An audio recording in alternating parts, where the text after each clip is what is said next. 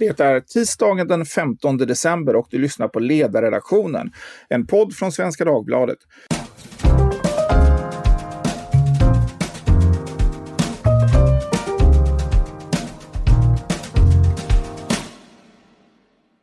Jag heter Fredrik Johansson och idag kommer vi prata om Skolverkets beslut att ställa in de nationella proven under nästa vår.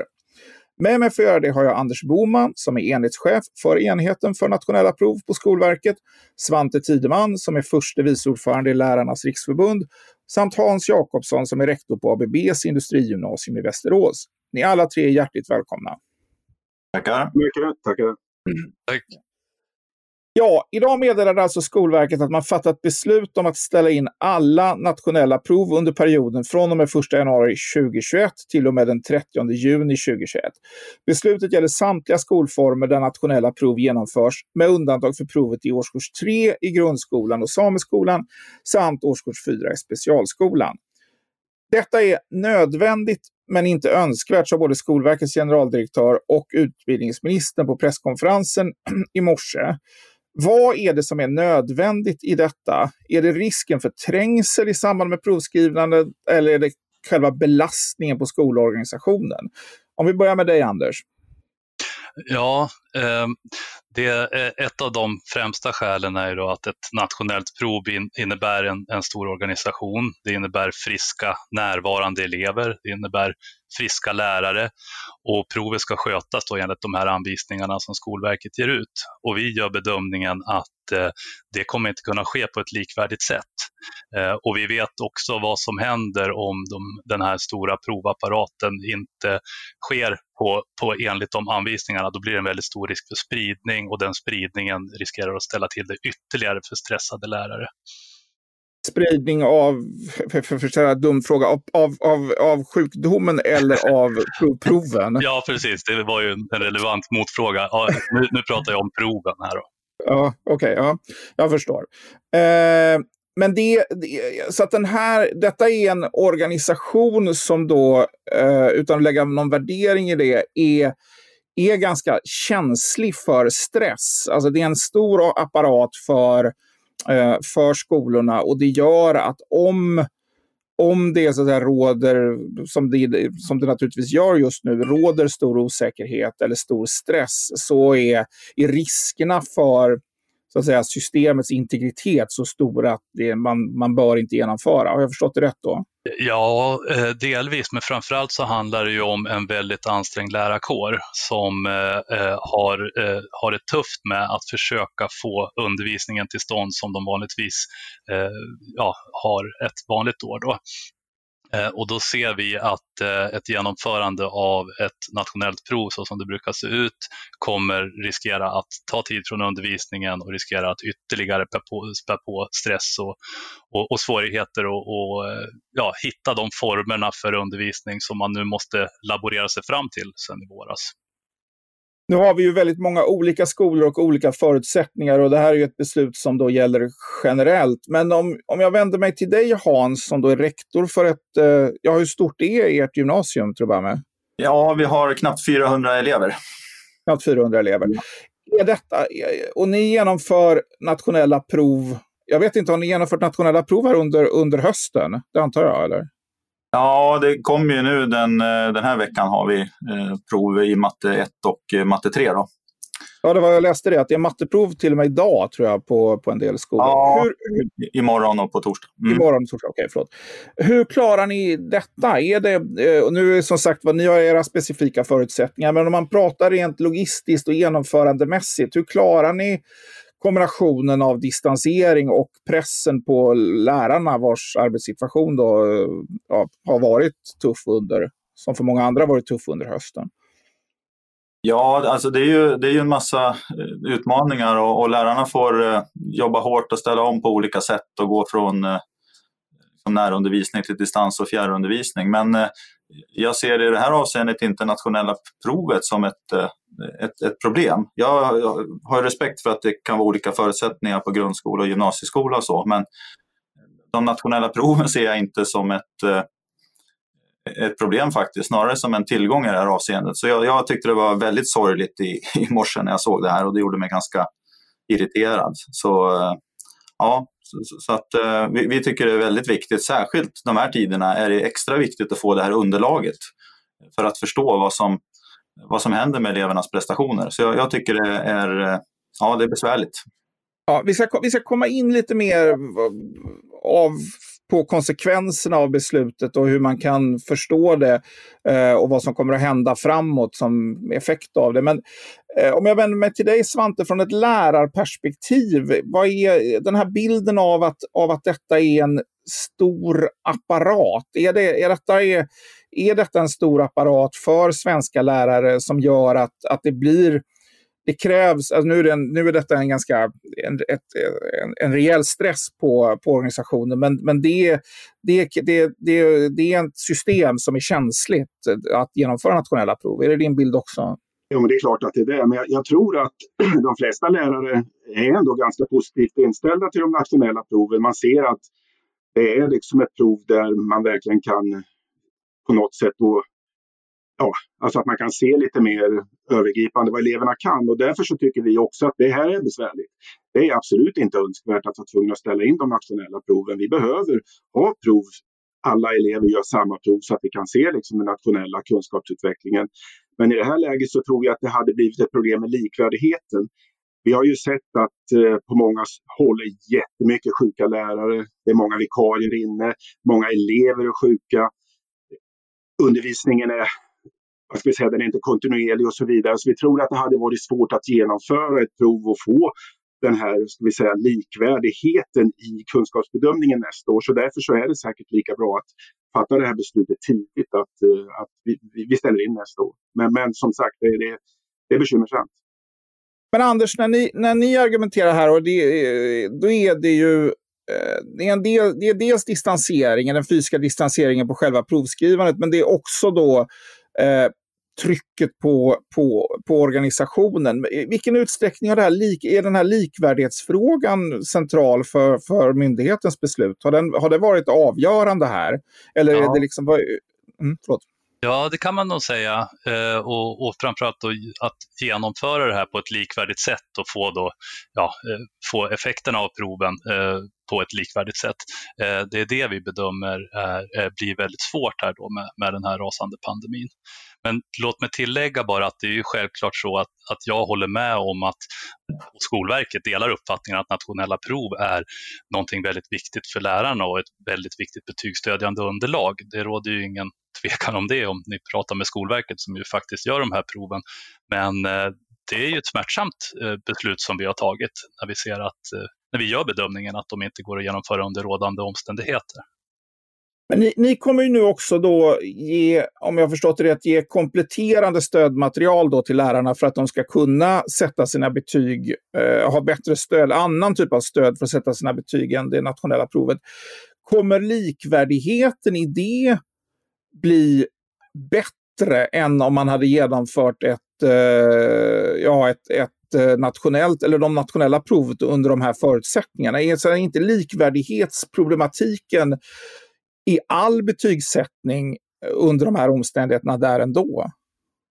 Jo, det här är ju ett sätt för oss att göra eh, vad vi ser möjligt efter att vi har tagit det här svåra beslutet att ställa in de nationella proven. Vi hade ju naturligtvis inte velat göra det, eh, om vi nu tänker på vad, vad proven syftar till. Men vi ser möjligheter att eh, kunna ta fram prov eh, och bedömningsstöd som vi kallar det för eh, och erbjuda dem till lärarna som ett alternativ till de nationella proven under våren. Och det är någonting vi jobbar mycket med nu och som jag misstänker många är nyfikna på när och hur. Så att vi tänker under så, så snart vi kan eh, visa vad vi kommer kunna erbjuda lärarna för att stödja dem med betygsstödjande underlag. Vad säger du om det Hans? Är, är, kommer det här den här likvärdighetsfrågan och hur ni arbetar, kommer ni använda det här, det här stödet i, för er betygssättning eller kommer ni genomföra motsvarande nationella prov men lokalt på skolan i, i Västerås? Eller hur, hur, hur kommer du eller ni på skolan agera efter det här för att, för att ge lärarna bästa tänkbara stöd för att sätta riktiga och rättvisa betyg? Ja, vi kommer att använda bedömningsstödet och det är ju utmärkt att det finns. Men, men problemet är ju just likvärdigheten i det här och, och när, nationella prov inte genomförs så, och så blir det en frivillighet i användarbedömningsstödet. Eh, och, och, det är ju det att då kommer inte alla använda det. Och jag vet ju hur det ser ut i, i kurser. Man har ju redan gjort så nu att färre nationella prov är obligatoriska. Eh, Anna Ekström slog sig lite för bröstet hur, hur viktigt hon tyckte och att hon hade höjt eh, betydelsen av de nationella proven, att de ska beaktas särskilt vid betygssättning. Samtidigt har man ju beslutat då att det är färre som är obligatoriska. Och där ser man en skillnad mellan skolor. Vi använder alltid eh, nationellt bedömningsstöd som finns, även till exempel i en kurs som, som engelska 7. Men då i matte 1 och 2 på teknikprogrammet så är det inte obligatoriskt. Och där är ju risken med likvärdigheten. Så att jag, eh, jag förstår ju att det kan finnas vissa problem i att genomföra det här på samma sätt, men jag tycker det hade varit betydligt bättre att köra dem. Och dessutom så tittar man på smittspridning och så vidare så går de ju den här veckan när det är en riktig peak. Det är ju en rätt stor sannolikhet att det ser annorlunda ut i, i april. Eh, och med all respekt för framförhållning, men jag, jag, tycker att det är, ja, jag tycker att det är fel. Vad, vad, säger du Svante om de här, den, här, den här likvärdighetsfrågan? Att, att, att likvärdigheten blir ja, blir bättre med att man nu använder de här frivilliga eh, bedömningsgrunderna eller att det hade blivit bättre om man hade genomfört ett, eh, förvisso då kanske inte eh, helt optimalt, eller helt optimala nationella prov. Vad, är det, vad, vad, vad, är det, vad sa du? Fördelen med att ha det riktiga nationella provet är ju att alla gör det samma dag. Nu kommer det bli så, de här bedömningsstöden som går ut, de kommer väl säkert att bli ett frivilligt datum och då kan det väl hända att en del gör dem kanske redan i april och andra gör dem precis i slutet i juni när man kanske har hunnit lära sig, eleverna kanske har hunnit fila lite mer på sina kunskaper. Men vi har ju sett problemet redan som det är nu. Att, eh, alltså man har ju sagt att nationella proven de ska digitaliseras och ska de rättas externt och sen så ska de användas verkligen som ett ankare vid betygssättning. Vi har ju idag redan det problemet att lärare är ju helt självständiga i sin betygssättning. Vi ser ju på många håll att det skiljer jättemycket mellan resultat på nationella prov och sen vad betygen är. Så används de här bedömningsstöden på rätt sätt, då kommer de naturligtvis vara i princip lika bra som ett nationellt prov att använda som för, för läraren att kunna bedöma elevernas kunskaper. Men vi menar att det här behöver ju på något sätt även långsiktigt då skärpas upp betydligt från statsmakten att man verkligen använder nationella proven på det sättet som de är tänkta att göra. Att exempelvis lärare avviker jättemycket vid betygssättningen, det är ju ett problem för likvärdigheten också. Va? Så att, eh, det här sätter liksom lite fingret på, på de problemen som redan finns med de nationella proven, tycker vi. Precis. Jag, vi ska väl återkomma lite grann ytterligare till det där, eh, vad fram, det här betyder, om det betyder någonting för framtiden för de nationella proven i den svenska skolan. Men en lite mer, om inte filosofisk, så i alla fall mer eh, generell fråga kring, kring det här vad man sätter betyg på. För att betygen, oavsett under vilka omständigheter så att säga, man har gått i skolan under det här året så ska ju betygen sättas utifrån de kunskaper man har, oavsett vad stökigt eller inte. Så att det, det problemet kommer ju lärarna lärarna inte komma runt, utan man måste ju sätta betyg, betyg i år.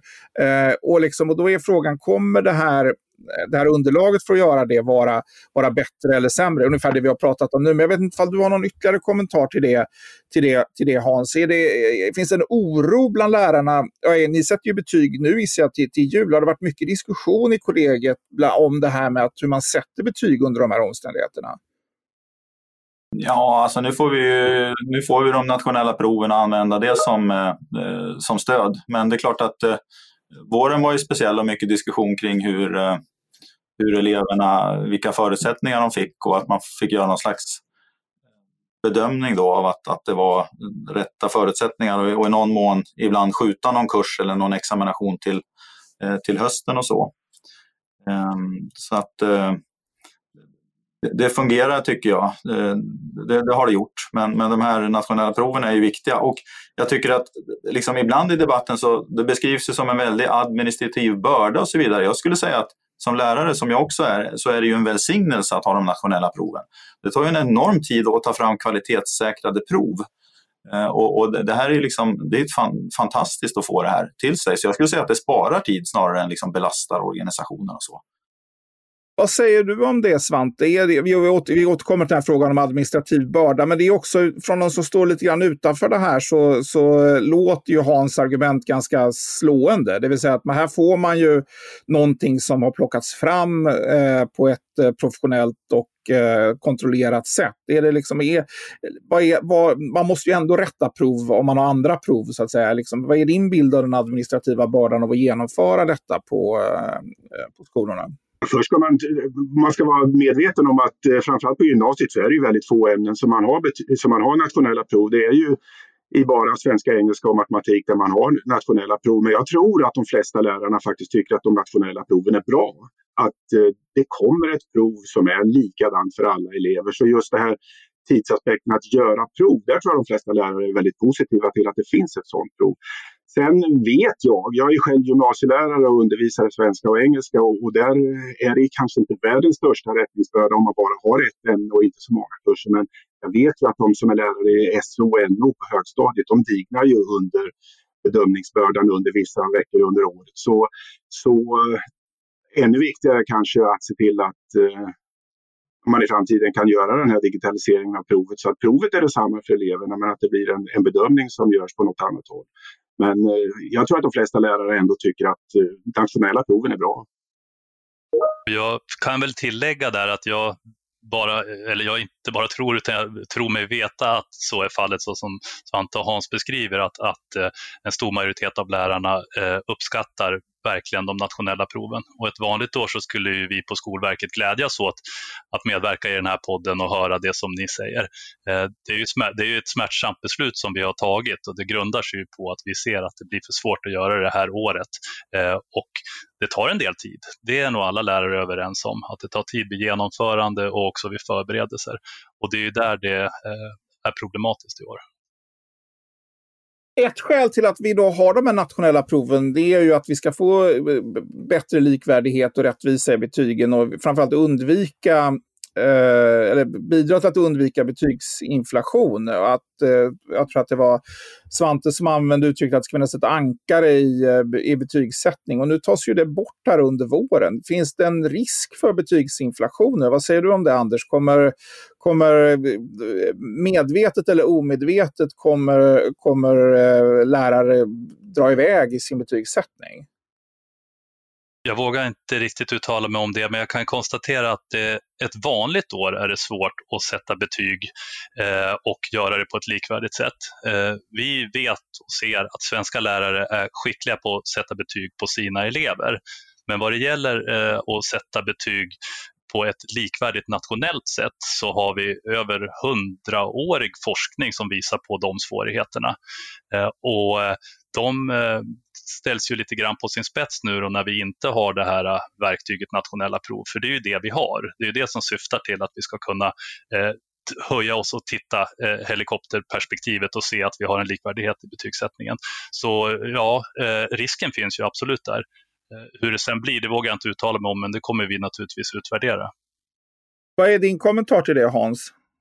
Ja, ja, risken är ju överhängande. Jag tror att eh, de är ju väldigt viktiga eh, ankare för att citera Svante. Då. Så att eh, det, det har man väl en känsla av under, under våren att det kan, kanske kunde vara så när man till och med hörde att resultaten blev, blev bättre när man hade kört på distans. Och det kanske kan gälla vissa elever, men att det generellt skulle ha blivit så, det, det är jag tveksam till. Så där finns det nog risk liksom för en, en slags kompensation Eh, Eh, och, och, därför tycker jag just att det är ännu viktigare att ha de här nationella proven nu. Och lite grann det som kanske, om det nu är så att det, det är tuffare på grundskolan, varför fattar man inte då ett beslut att köra det på gymnasiet? Vad är svaret på det Anders? Varför har ni tagit, eh, ni har ju tagit allting förutom då de här, eh, de här testerna som man har i årskurs 3 och eh, i, i sameskolan och årskurs 4 i särskolan är det väl.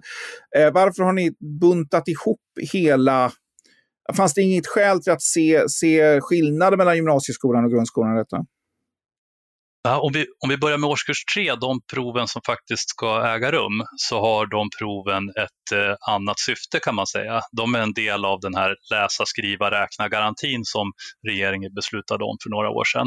Eh, och de proven syftar till att sätta in rätt stöd i rätt tid till, till eleverna och, och försäkra sig om att de lär sig läsa, skriva, räkna. De omgärdas inte av samma problematik menar vi som de som vi kallar för då betygsstödjande nationella proven, alltså i alla de eh, kurser och ämnen som man har betyg i. Eh, Vilken problematik pratar vi nu? Pratar vi likvärdighetsproblematiken eller den administrativa bördan? Ja, vi pratar nog all problematik skulle jag säga, för att proven i årskurs 3 de genomförs för det första under en längre period, under en tio veckor lång period. Eh, och eh, även om det säkert kan finnas något undantag så genomförs de i linje med undervisningen, alltså det är den ordinarie läraren som gör det här som en, ja, som en del i undervisningen kan man säga. När vi tittar på alla betygsstödjande prov, det är också såklart olika mellan olika skolor, men då så handlar det ju, vissa delprov så är det ju stora salskrivningar som man ska eh, sätta ihop och det är, ja, det är en väldig massa delprov som dessutom kan få eh, spridning, vilket innebär att de är helt eller delvis värdelösa eh, att använda och sen så har man gjort allting i onödan.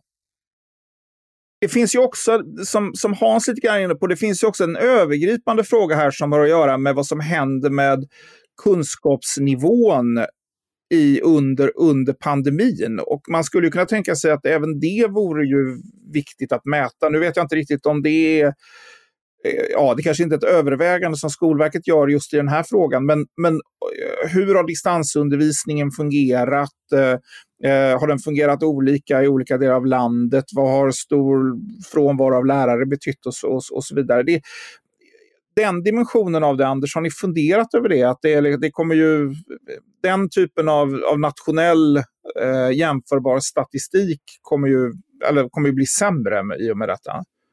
Ja, vi har absolut funderat över det eh, och vi har eh, försökt utvärdera effekterna av covid och det kommer vi behöva göra efter den här våren också. En sak som vi bland annat har intresserat oss för det är om vi kan titta på vad det innebar att de nationella proven i våras faktiskt ställdes in och om vi kan med, med statistiska eh, övningar då försöka jämföra det med de betygen som sattes och om vi kan få ut någonting. Eh, statistiker på Skolverket håller på att titta på den frågan. Eh, jag är inte själv statistiker men jag förstår att det är ganska svårt att isolera eh, en, en, en, en, en sån effekt. Men eh, vi har duktiga statistiker som håller på att titta på det. Ja, jag har inte heller statistiker, men jag gissar att det, det kan bli lite knivigt att gaffla ur det ur där man inte har genomfört man inte har genomfört de nationella proven och, och så går på betygen, det är, ju, de häng, det är ju inte riktigt sammanhängande. Och det bygger ju på att, så att betygssättningen är likvärdig jämfört med tidigare år, trots att man inte haft ett, eh, eh, ett sådant prov. Eh, eller något nationellt prov. Vad är din, vad är din kommentar till, eh, till det här, Svante, det här med att vi får, vi får inget riktigt eller det blir kanske svårare att utvärdera så att säga, effekten av själva pandemin. Är det någonting ni funderar på på, eh, på Lärarnas mm. riksförbund? Ja, självklart. Alltså, det är klart att, vi inte, att det är en risk att vi får en så kallad coronageneration. Eh, en eller två eller tre eller fyra årgångar av elever som av någon anledning inte får lika bra undervisning. Det är den riktigt stora risken med det här att, eh, att undervisningen har blivit så sönderryckt under ett antal år att man inte når lika långt helt enkelt. Men när det gäller det här med, med, med betygssättningen och om den kan så, så, tror jag ändå att de flesta, vi pratade om det här med, med om man sätter glädjebetyg, jag tror att de flesta Alltså lärarna vill ju sina elever väl. Och, och, och, i det läget när man kanske inte har fått alla möjligheter att visa vad man kan som elev, då är det väl en, kanske en, en risk att eh, vissa lärare eller en del lärare av omsorg av sina elever kanske är lite snällare i betygssättningen. Så det här kommer ju bli naturligtvis jättenoga, men det måste man följa väldigt noga naturligtvis vad det här, vad det här har vad det inneburit. Och Ska man kunna kompensera det senare? Ja, det är ju svårt för de som har gått ut gymnasiet att försöka ta igen något. Så, så viktigt att följa. Ja, men har ni, har ni mätt detta eller försökt mäta detta? Eller gör ni enkäter bland era medlemmar om man uppfattar att, eh, att, så att säga, den här generella kunskapsnivån har tagit skada under, under pandemin? Eller det är ingenting ni har... Nej, bara, genom att mäta, bara genom att mäta hur mycket undervisning som försvann under hösten av hur många lektioner som ställdes in beroende på att lärare var sjuka och så vidare så räknar vi med att det var ju flera miljarder kronor man tappade.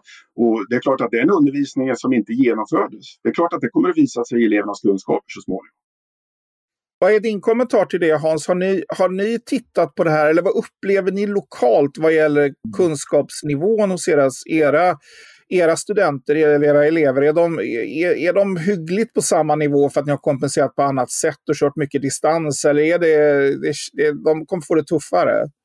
Ja, alltså vi har inte ställt in en enda lektion skulle jag säga i det avseendet. Så undervisningstiden eh, har de fått. Det som kanske kanske det största problemet eh, är elever som har svårt att få ihop ja, få ihop vardagen hemma eller som inte kanske får disciplinen att komma till och, och, och studera och när det är inlämningsuppgifter och, och sådana delar. Prov är ju egentligen enklare på ett sätt kanske för då skriver man vid tillfälle och får, får göra det.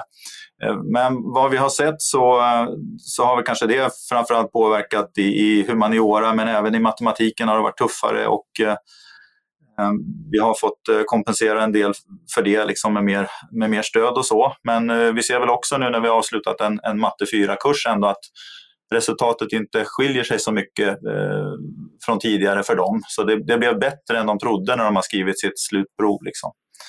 Eh, bättre än, vad, bättre än vad eleverna trodde ja, eller bättre precis. än vad lärarna trodde? Det var en oro från dem väldigt mycket innan då mm. och, och, kanske också lärarna. Sen, sen, jag pratade med lärare igår, hade medarbetarsamtal och han hade någon känsla av att de kanske hade kunnat prestera ännu bättre eh, om, om det inte hade varit den här distansperioden då eh, under den här kursen. Men, eh, men, men det, det, det, är svårt att komma åt så att säga. Vilken roll spelar, spelar det nationella provet i, i någon sorts pedagogisk mening? Alltså i, i, det ska väl inte göra det, men vilken psykologisk roll spelar det i undervisningen? Att man har ett så tydligt mål och att det ändå betyder väldigt mycket under, under de år där de, där de skrivs. Finns det någon, eh, antingen, ja det var intressant att höra från er alla tre där, men vi börjar med dig Hans. Är det, är det viktigt för läraren, en bra lärare reder väl sig själv, men är det, är det viktigt i undervisningen att kunna säga att nu har vi det här provet här i maj och då gäller det april och då gäller det att vi kan det här. Är det, är det, spelar det någon roll? Ja, alltså det är ju ett, ett, ett styrmedel på ett sätt därför att eh, det, det, visar ju liksom vad som är, är viktigt och det är framtaget, det tar två år att ta fram och det, det är experter som är med och, och vi har också lärare som är med i, i utarbetande som arbetar med det här. Så att just den här aspekten som togs upp av att det finns ett nationellt prov, Eh, särskilt i de här tiderna, att man liksom inte släpper greppet och, och, och utan, utan man, har den, eh, man har samma höga målsättning som tidigare så tror jag att det fyller en otroligt viktig funktion i vanliga fall men inte minst nu faktiskt. Eh, så det, det är jätteviktigt på många olika sätt. Sen är det liksom inte provet helt som styr undervisningen men, men de är bra, de är kvalitetssäkrade. Det blir otroligt mycket kollegial samverkan kring det så det har otroligt många positiva effekter. Så kombinationen av månader av distansundervisning och avsaknad av nationellt prov kanske inte är den mest studiemotiverande kombinationen? Om jag förstår det rätt. Ja, det, det kan man väl säga och att, att, att det nationella provet finns där tycker jag är, är viktigt. Vad är, Svante, vad är din kommentar till detta, alltså ur ett lärarperspektiv? Betyder, betyder de nationella proven, förutom att det är ett stöd i viktigt stöd i betygssättning, eller ett ankare i betygssättning som du säger. Det betyder, vad betyder det i undervisningen?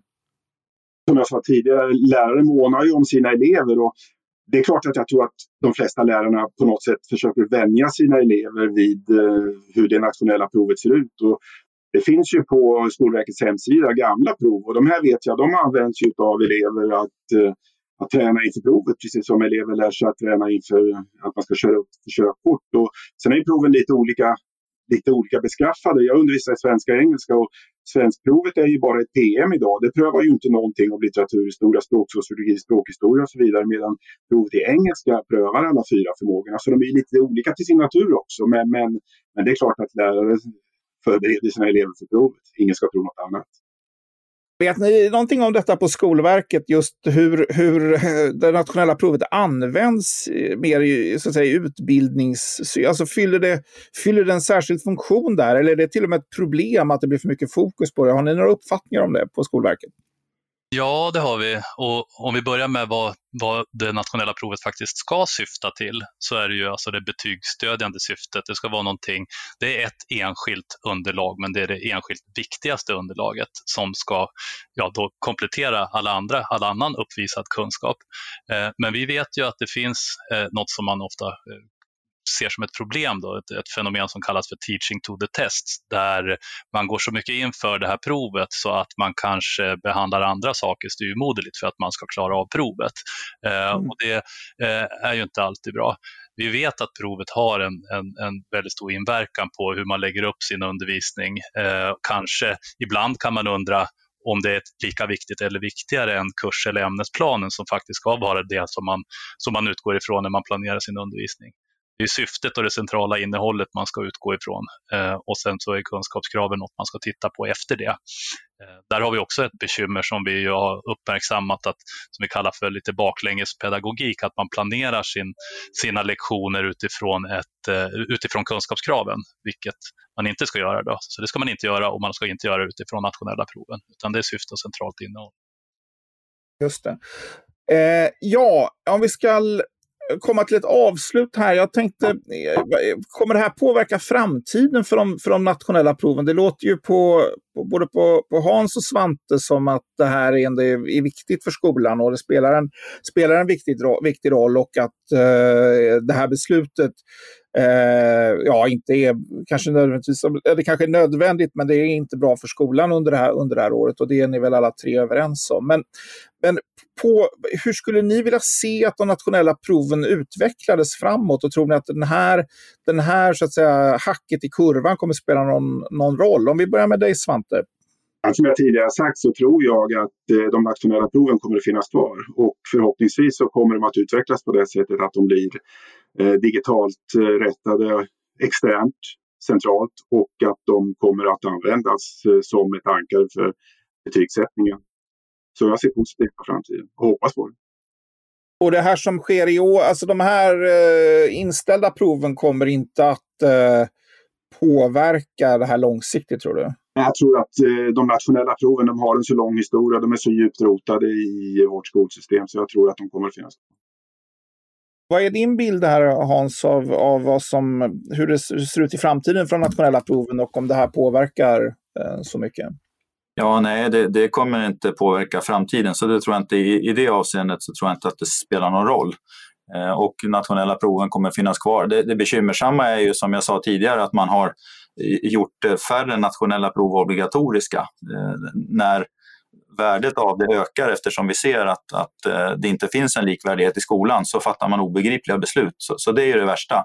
Så förhopp, förhoppningsvis kanske man kan ändra det beslutet och se att man, man har det i de kurser som det har varit obligatoriskt tidigare och, och se det som en, eh, en, tillgång och liksom inte en belastning som ofta hörs i, i, i diskussionen.